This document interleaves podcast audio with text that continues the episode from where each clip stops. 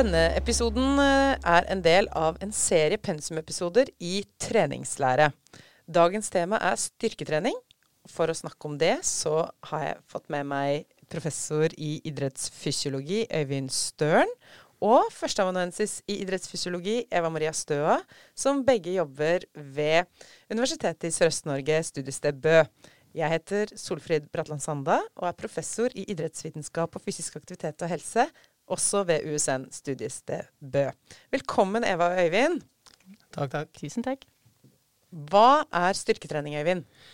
Styrketrening er i hovedsak trening som gjør deg sterkere, ofte målt som evnen til å løfte én gang. Altså hvor mye du klarer å løfte én gang i en eller annen øvelse. Ja, Det vi kaller 1RM. Ja, en repetisjon maksimum. Ja. Og eh, hva, er egentlig styrke, da? Styrke er da evne til å utvikle kraft, og egentlig kan vi skille mellom indre og ytre. Altså hvis vi tenker oss at indre er muskelens evne til å produsere kraft, eller musklenes evne, så er det ytre hva du får ut som resultat av det, altså hvor mange kilo du løfter. Så det vi ofte tester eller måler eller setter pers i eller et eller annet, det er det ytre. Det er mye vanskeligere å måle det indre. Mm. Hvilke faktorer er det som er bestemmende for styrke?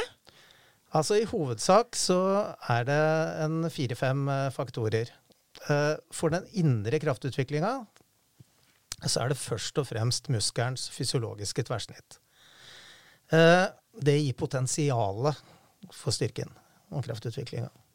For å utnytte det potensialet mest mulig, så handler det om to ting. Det ene er hvor mange motoriske enheter du klarer å rekruttere. Det går ganske fort å trene opp, og så er du liksom på alle de du kan eh, rekruttere der. Og det andre, som det ikke er annet enn et teoretisk tak på, det er hvor høy fyringsfrekvens du har i nervene, altså fra nervesystemet og til muskelen. Jo høyere fyringsfrekvens, jo mer kalsium frigjort, jo mer kalsium frigjort, jo flere sånne små enheter i muskelfiberen, jo flere myosinhoder som kan ta tak i aktinet, og jo sterkere blir du. Hvis du skal gjenta det her en del ganger, eh, en øvelse, knebøy f.eks., flere repetisjoner, så blir det viktigere og viktigere også med energiomsetninga. Hvor mye ATP du klarer å reprodusere. Men det er altså veldig lite viktig for den ene repetisjonen, f.eks. For, der har vi som regel nok ATP tilgjengelig eh, til det. Ytrekraften handler igjen om hvordan du er bygd. Altså hvor, det, hvor sitter eh, festet, muskelfestet, på knokkelen over leddet. Eh, hvor god teknikk har du? Eh, hvilke strategier du legger du opp for å løfte den markløften, f.eks.? Har du vekta nærme beina eller langt fra? Sånne ting. Men du klarer uansett ikke, hvor effektiv du er, hvor god teknikk du har, å løfte mer enn du klarer å produsere kraft internt, altså i, i musklene. Så der har vi på en måte hvordan det her fungerer. Hvorfor skal vi være opptatt av dette, da? Hvorfor skal vi trene styrke? Eva? Ja, vi kan jo kanskje dele inn det i tre deler. Altså En del går på å bedre prestasjon i ulike idretter. Eh, vi vet at det er sammenheng mellom maksimalstyrke og evne til stor og hurtig kraftutvikling. Eksempelvis hurtighet og spenst i fotball og andre idretter hvor det står sentralt. Eh, det er også viktig med tanke på skadeforebygging.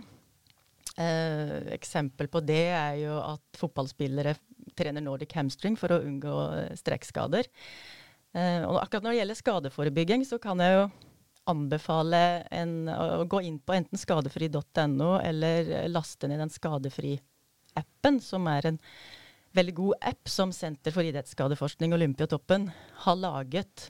Og Der kan man rett og slett eh, søke opp ulike idretter og få tips om ulike skadeforebyggende øvelser. Så det er et, eh, et godt tips.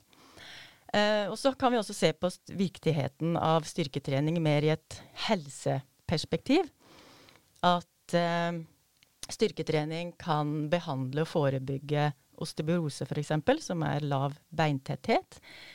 Eh, det er viktig for personer som er i et vektreduksjonsprogram for å opprettholde muskelmasse.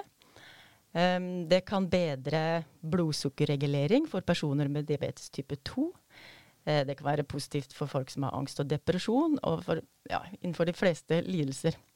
Og der er det også, kan man jo ta en titt i aktivitetshåndboken, som, eh, som eh, med utgangspunkt i mange forskjellige ulike typer diagnoser, så kan man gå inn og se hva slags type styrketrening og også kondisjonstrening som anbefales for de ulike lidelsene.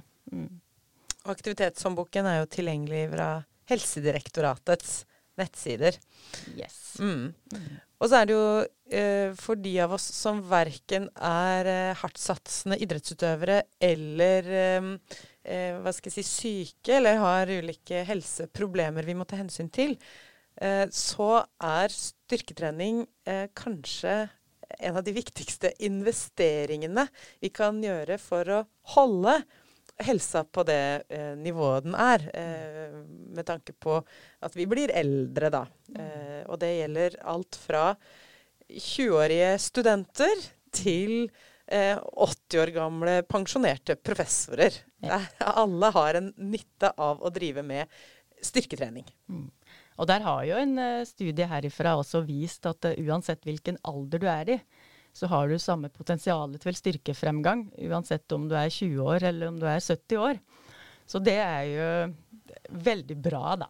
Det er aldri for seint å begynne heller. Nei. Hvordan skal vi trene styrketrening?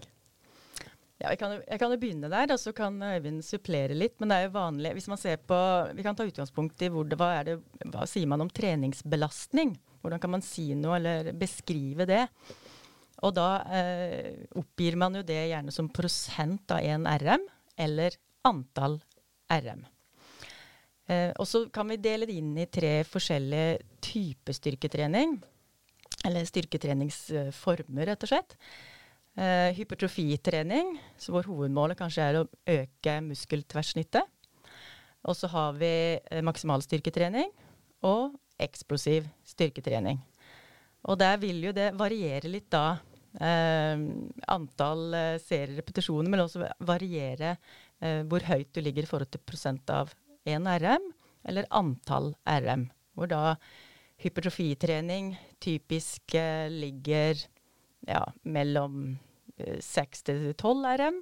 Maksimal styrketrening fra 1 til 5-6. Eksplosiv styrketrening. Um, har jo lavere, som regel lavere belastning, altså kanskje 30-50% av én RM. Uh, ja.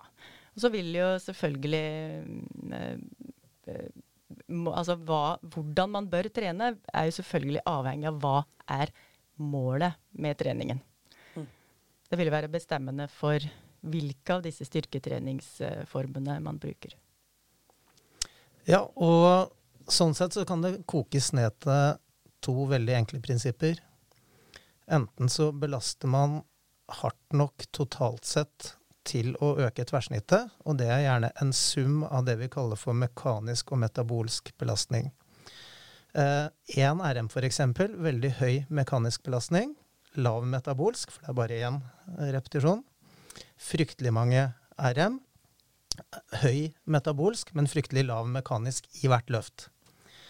Det en del studier har sett på, er at eh, når du skal ha den høyeste summen, så er du gjerne innenfor det området som Eva nevnte, 6-12 RM. Eh, så enten ligger man der, eller så mobiliserer man maksimalt. Det kan enten skje med tyngst mulig vektbelastning, altså man tar i alt man kan for å løfte vekten opp, eller på lettere vekter, der man mobiliserer maksimalt med å løfte lettere vekt så fort man kan. Mm. Eh, den maksimale mobiliseringa er det som i hovedsak trener nervesystemet, det som er med å øke fyringsfrekvensen. Så hvis man ikke mobiliserer maksimalt, eller løfter så tungt man klarer 6-12 RM, så er man egentlig utenfor trening som gjør deg sterkere, og da driver man kanskje ikke med styrketrening lenger. Mm. Der er det jo en øh, øh, kanskje et lite sånn Hvis vi kan kalle det et paradigmeskifte. Fordi man har jo snakka om eh, utholdende styrketrening eh, før. Det snakker vi ikke så mye om lenger. Vi kaller det mer muskulær utholdenhetstrening, og, og, det defineres Altså har du veldig mange repetisjoner på veldig lav belastning, typ 30 repetisjoner gang tre, eller at du kjører den samme øvelsen i to minutter uh, uten pause, så er det en mer utholdenhetstreningsøvelse enn det er en styrketreningsøvelse. Ja. Og så eh, nevnte du jo to litt eh, sentrale begrep, eh, Øyvind. Tenkte bare vi skulle kort definere de, og det er mekanisk belastning og metabolsk belastning. Mm. Ta oss kort igjennom. Hva er me eh, mekanisk belastning? Mekanisk belastning er hvor stort drag du har i muskelsenestrukturen. Jo tyngre vekt, f.eks., jo større drag fra utspringsscena til festescena gjennom, og gjennom muskelen. Det draget fører til små uh, ødeleggelser i de her strukturene. Uh, som på en måte er inputet for treningsadaptasjoner. Uh, så det er den mekaniske belastninga. Mm. Den metabolske belastninga Hvis vi bare tar og, og Den me mekaniske belastninga sier også noe om hvor, hvor mye det belaster skjelettet. Altså bein, beinet. Ja. ja. Uh, der kan vi henge på at der kan det være litt forskjell på om du f.eks. kjører knebøy eller la oss si armkøl. Mm.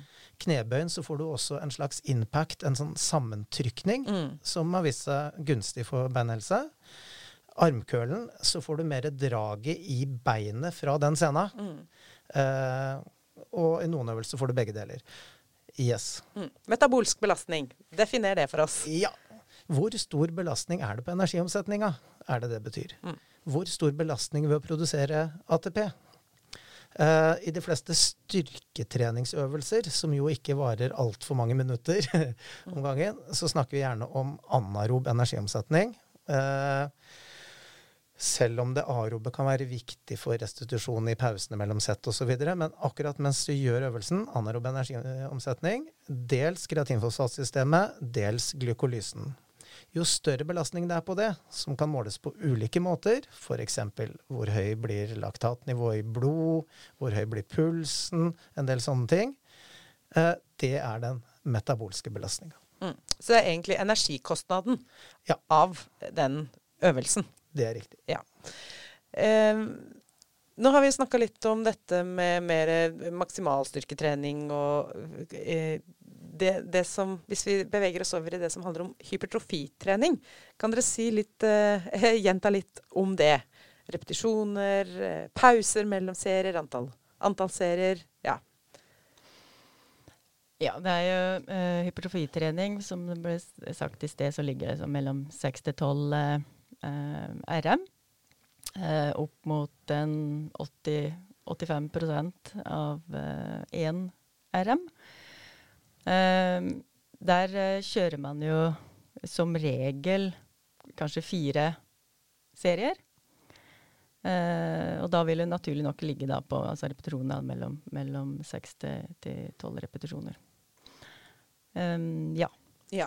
Og så dette med pause, for prinsippet mm. om restitusjon ja, har vi jo snakka litt om Pauser er viktig. Ja. prinsippet om restitusjon har vi jo snakka ja, litt om i, mellom, i tidligere episoder. mm. er typisk sånn én opptil tre minutter. Mm. Mm.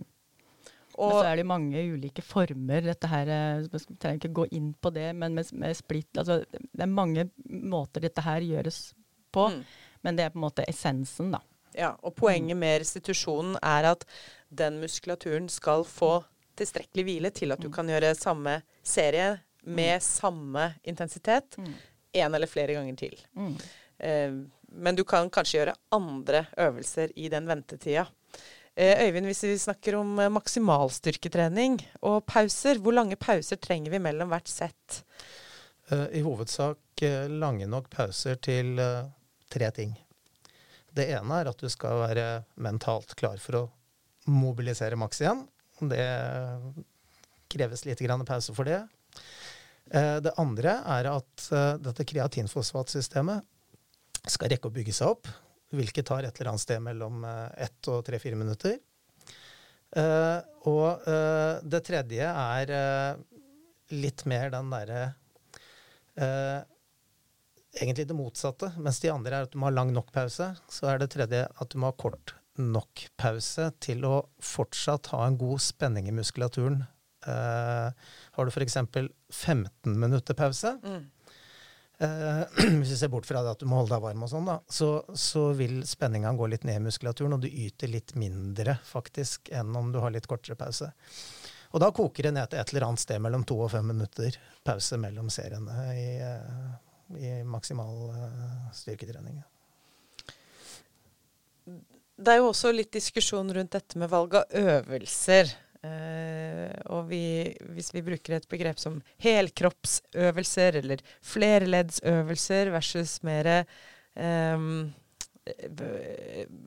avgrensa øvelser, eller øvelser mer spesifikt retta mot enkeltmuskelgrupper. Kan dere si litt om forskjellen på, på disse tingene? Eva, f.eks. Vi kan jo ta utgangspunkt i den på en måte den generelle anbefalingen på styrketrening for blant voksne. da. Så er jo det styrketrening som involverer store muskelgrupper. Og gjøre det to til tre ganger i uka. Det er liksom den generelle anbefalingen. Men så kan du si at eh, noen ganger så kan det være lurt eh, å trenes veldig spesifikt. Eh, og da kan det være øvelser som går på mindre muskelgrupper. Så i et uh, idrettsprestasjonsperspektiv f.eks. så kan det jo være relevant noen ganger å, å, trene også på mindre muskelgrupper. Men den generelle anbefalingen er jo store muskelgrupper. At man sikrer det. Og hvis vi, hvilke øvelser snakker vi om da? Knebøy. Ja. ja. Uh, bryst, eller benkpress, uh, nedtrekk. St store muskelgrupper som er i aksjon. Mm. Hvis vi også pensler oss inn på enkeltidretter. Nå har dere nevnt fotball, f.eks. Eh, hvis man skal tenke styrketrening for, eh, for, fotballspillere, da kan vi jo kanskje ta utgangspunkt i, i ungdomsspillere eller juniorspillere eh, som har litt ambisjoner om å bli, bli gode. Hvordan skal man eh, planlegge og tilrettelegge styrketrening for den type utøvergruppe, Øyvind? Hvis vi ser bort fra litt sånn superspesifikke eh, ting, som kan ha sammenheng med skader og sånne ting, uh, og ser mer generelt på det Kort sagt baseøvelser, altså store muskelgrupper. Uh, maksimal mobilisering. kort sagt maksimal styrketrening. det er litt flere årsaker til det.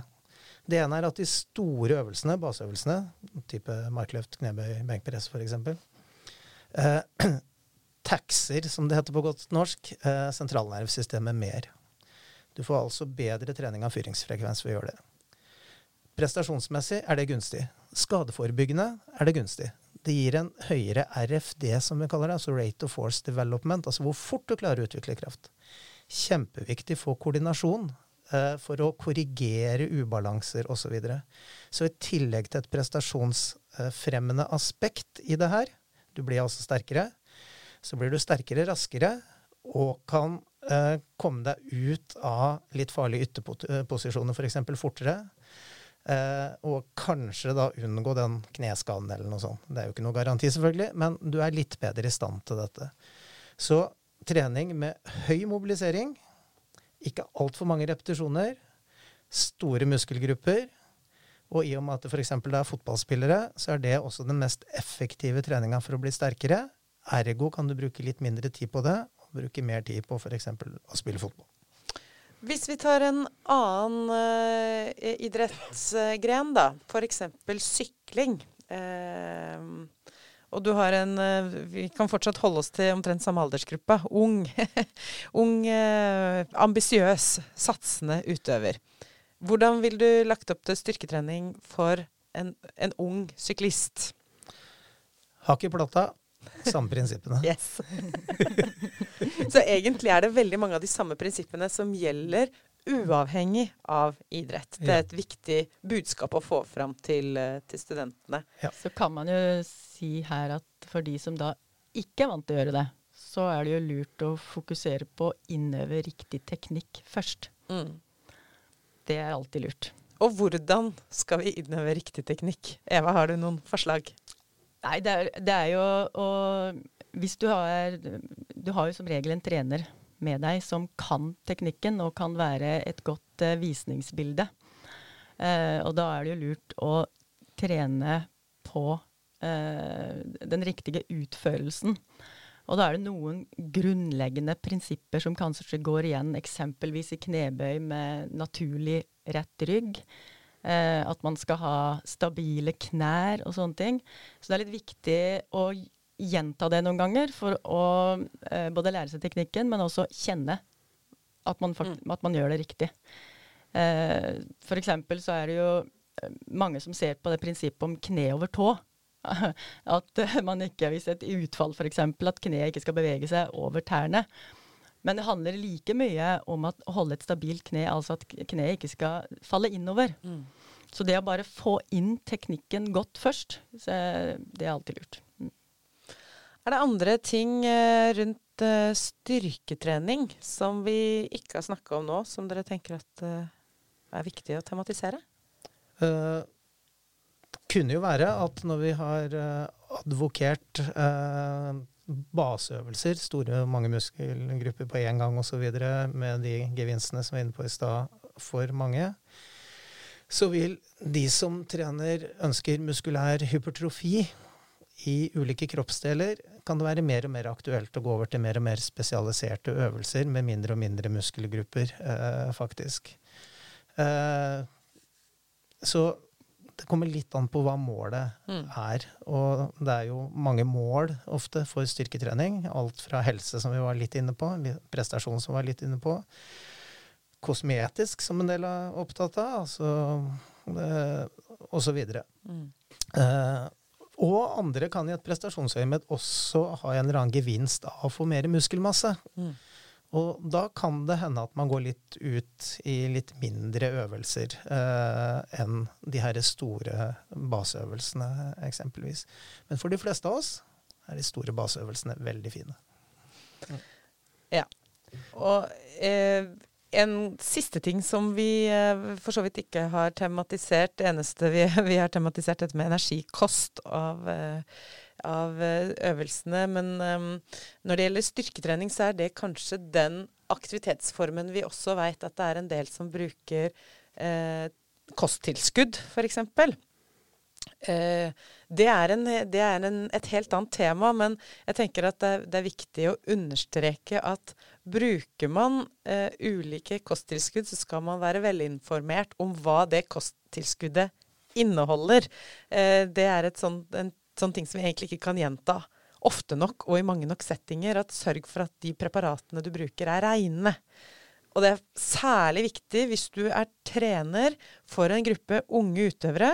Det kan være en fotballspiller som har kjøpt seg noe kosttilskudd på internett. Hvis, den, hvis det kosttilskuddet er ureint, altså der eh, var det f.eks. en pre-workout, og så var det eh, både amfetamin og andre eh, ulovlige stoffer i det preparatet og den uh, utøveren er med på en samling eller er med på en konkurranse hvor det faktisk tas dopingprøver, så vil det kunne slå ut og være veldig uheldig, altså rett og slett veldig uheldig for den enkelte utøver. Så det er noe både trenere og utøvere selv må være veldig bevisst på. Men vi skal ikke gå nærmere inn på det nå, det er et eget tema. Uh, men det er også noe som er viktig å være klar over når, når vi jobber med styrketrening, da. Mm. Mm. Det du ikke har vært inne på da, Solfrid uh, For én ting er jo, som er viktig for å adaptere styrketreninga, er jo kosten. Og ofte så trengs det litt mer proteiner, f.eks., som man som regel, hvis man har muligheten til å lage, lage mat, mm. uh, fint kan dekke ved kosten, mens andre kanskje tar noe proteinpulver eller noe sånt fordi de har et litt uh, snevert kosthold. Men det er som regel ikke nødvendig. Men det jeg ikke har vært inne på da, er søvn. Mm. For en av de store forsterkerne til adaptasjon til all trening, men også styrketrening, det er hormonnivåene i blodet. De såkalte anabole hormonene som kommer inn etter treningsøkta for å hjelpe til med å bygge opp muskelmasse, f.eks. Og det som er litt viktig der, er at nivåene av disse anabole hormonene, som ofte er både kvinnelige og mannlige kjønnshormoner, de er mye høyere når du sover enn når du er våken. Så tilstrekkelig søvn mm. og god nok søvnkvalitet er kjempeviktig for å få god adaptasjon av styrketreninga. Det var et uh, godt uh, avsluttende ord på denne episoden, tenker jeg. Uh, vi sier tusen takk, Eva og Øyvind, for at dere tok dere tida til å komme hit. Takk til deg som lytta, og det kommer altså flere pensumepisoder på ulike treningsformer som da er relatert til studentene våre, førsteårsstudentene våre sin, sitt evne i treningslære. Så følg med.